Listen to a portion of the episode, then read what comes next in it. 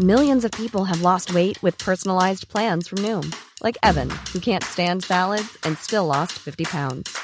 Salads, generally, for most people, are the easy button, right? For me, that wasn't an option. I never really was a salad guy. That's just not who I am. But Noom worked for me.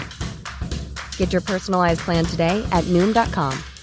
Real Noom user compensated to provide their story. In four weeks, the typical Noom user can expect to lose one to two pounds per week. Individual results may vary.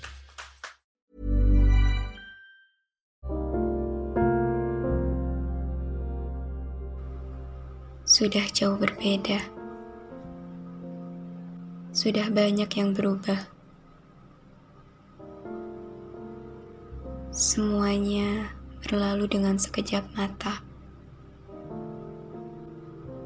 Ingin diulang, tapi tak bisa. Kini tinggal rindu yang tak kunjung sirna. Rindu yang berhasil membuatku tersiksa. Rindu yang membuatku ingin memutar waktu kembali ke saat itu lagi. Rindu yang membuatku sadar bahwa hadirmu tak hanya memberi bahagia, tetapi juga luka. Dengan terpaksa, kian hari aku menjalani perubahan yang telah terjadi di antara kita. Kau pikir aku bahagia? Tidak. Siapa yang akan bahagia ketika keadaan membawanya jauh dari orang yang disayang? Kalaupun ada, yang pasti bukan aku orangnya. Aku menjalani semua perubahan ini dengan tak baik-baik saja. Banyak sesak yang tertahan banyak tangis yang kusembunyikan, dan banyak senyuman palsu yang kutampakkan. Lihatlah, barangkali kau ingin tahu. Pada kenyataannya, pergimu berhasil membuatku tak baik-baik saja.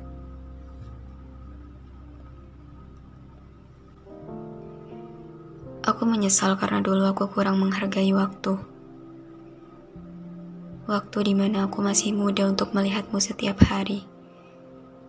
Waktu di mana untuk saling bertegur sapa masih jadi hal yang biasa bagi kita berdua. Waktu untuk sekedar mendengar suaramu masih belum jadi sejarang sekarang. Waktu di mana untuk melihat senyummu belum jadi sesulit sekarang. Dan waktu di mana kita belum seasing sekarang. Aku menyesal Aku menyesal karena waktu itu aku membiarkan semuanya berjalan dan melaluinya begitu saja. Karena aku kira semuanya tak akan menjadi serumit ini. Awalnya, aku kira perubahan ini tak akan terjadi. Dan aku kira kepergianmu tak akan membuatku sesakit ini. Aku juga merasa iri iri pada mereka yang bisa leluasa mendapati keberadaanmu. Iri dengan mereka yang bisa menatap indah wajahmu dengan begitu mudah. Aku iri pada mereka yang bisa sering mendengar suaramu. Pada mereka yang bisa bercengkrama denganmu tanpa merasa canggung. Aku iri, dan aku ingin berada di posisi itu. Tapi kenyataan membuatku terpukul mundur bahwa di sini peranku sudah terlalu asing untuk bisa seperti dulu lagi. Terlalu sulit untuk bisa berada di posisi seperti mereka. Mungkin bisa saja, mungkin bisa saja aku mengambil posisi seperti mereka yang bisa selalu dekat denganmu. Tapi yang aku bingungkan adalah harus dengan cara apa dan dari mana aku memulai. Dan akankah kedatanganku kau sambut dengan baik? Atau malah akan kau abaikan. Ya, dari hal itulah perasaan takutku muncul untuk menyapamu lagi. Jujur saja, tak pernah sampai dalam perkiraanku bahwa kau akan jadi sepenting ini. Tak pernah sampai dalam perkiraanku bahwa kau akan membuatku jatuh sedalam ini.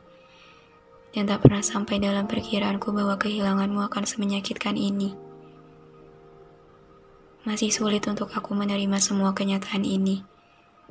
Masih ada sakit yang mengiringi hariku setiap kali aku tersadar tentang perubahan kita saat ini. Masih tersimpan ribuan tanya dalam benakku tentang mengapa semua ini terjadi.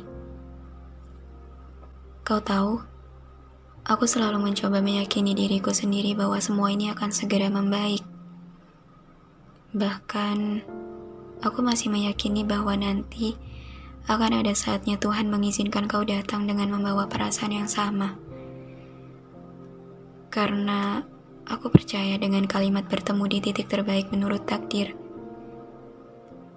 Bukan kata salah mencoba untuk berbaik sangka pada garis takdir yang akan Tuhan tetapkan.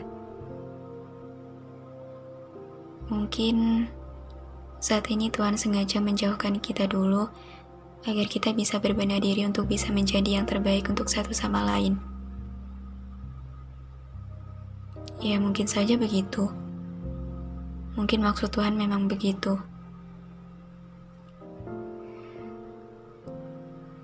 Jika kau dengar ini, aku hanya ingin bilang, semoga kau selalu baik-baik saja.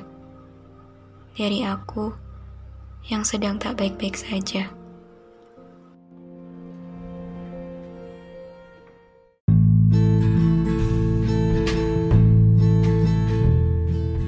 Terima kasih banyak udah dengerin episode ini.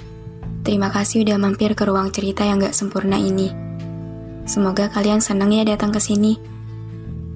Anyway, jangan lupa follow podcast Rina Ilara ya. Sekalian, aktifin lonceng notifikasinya juga.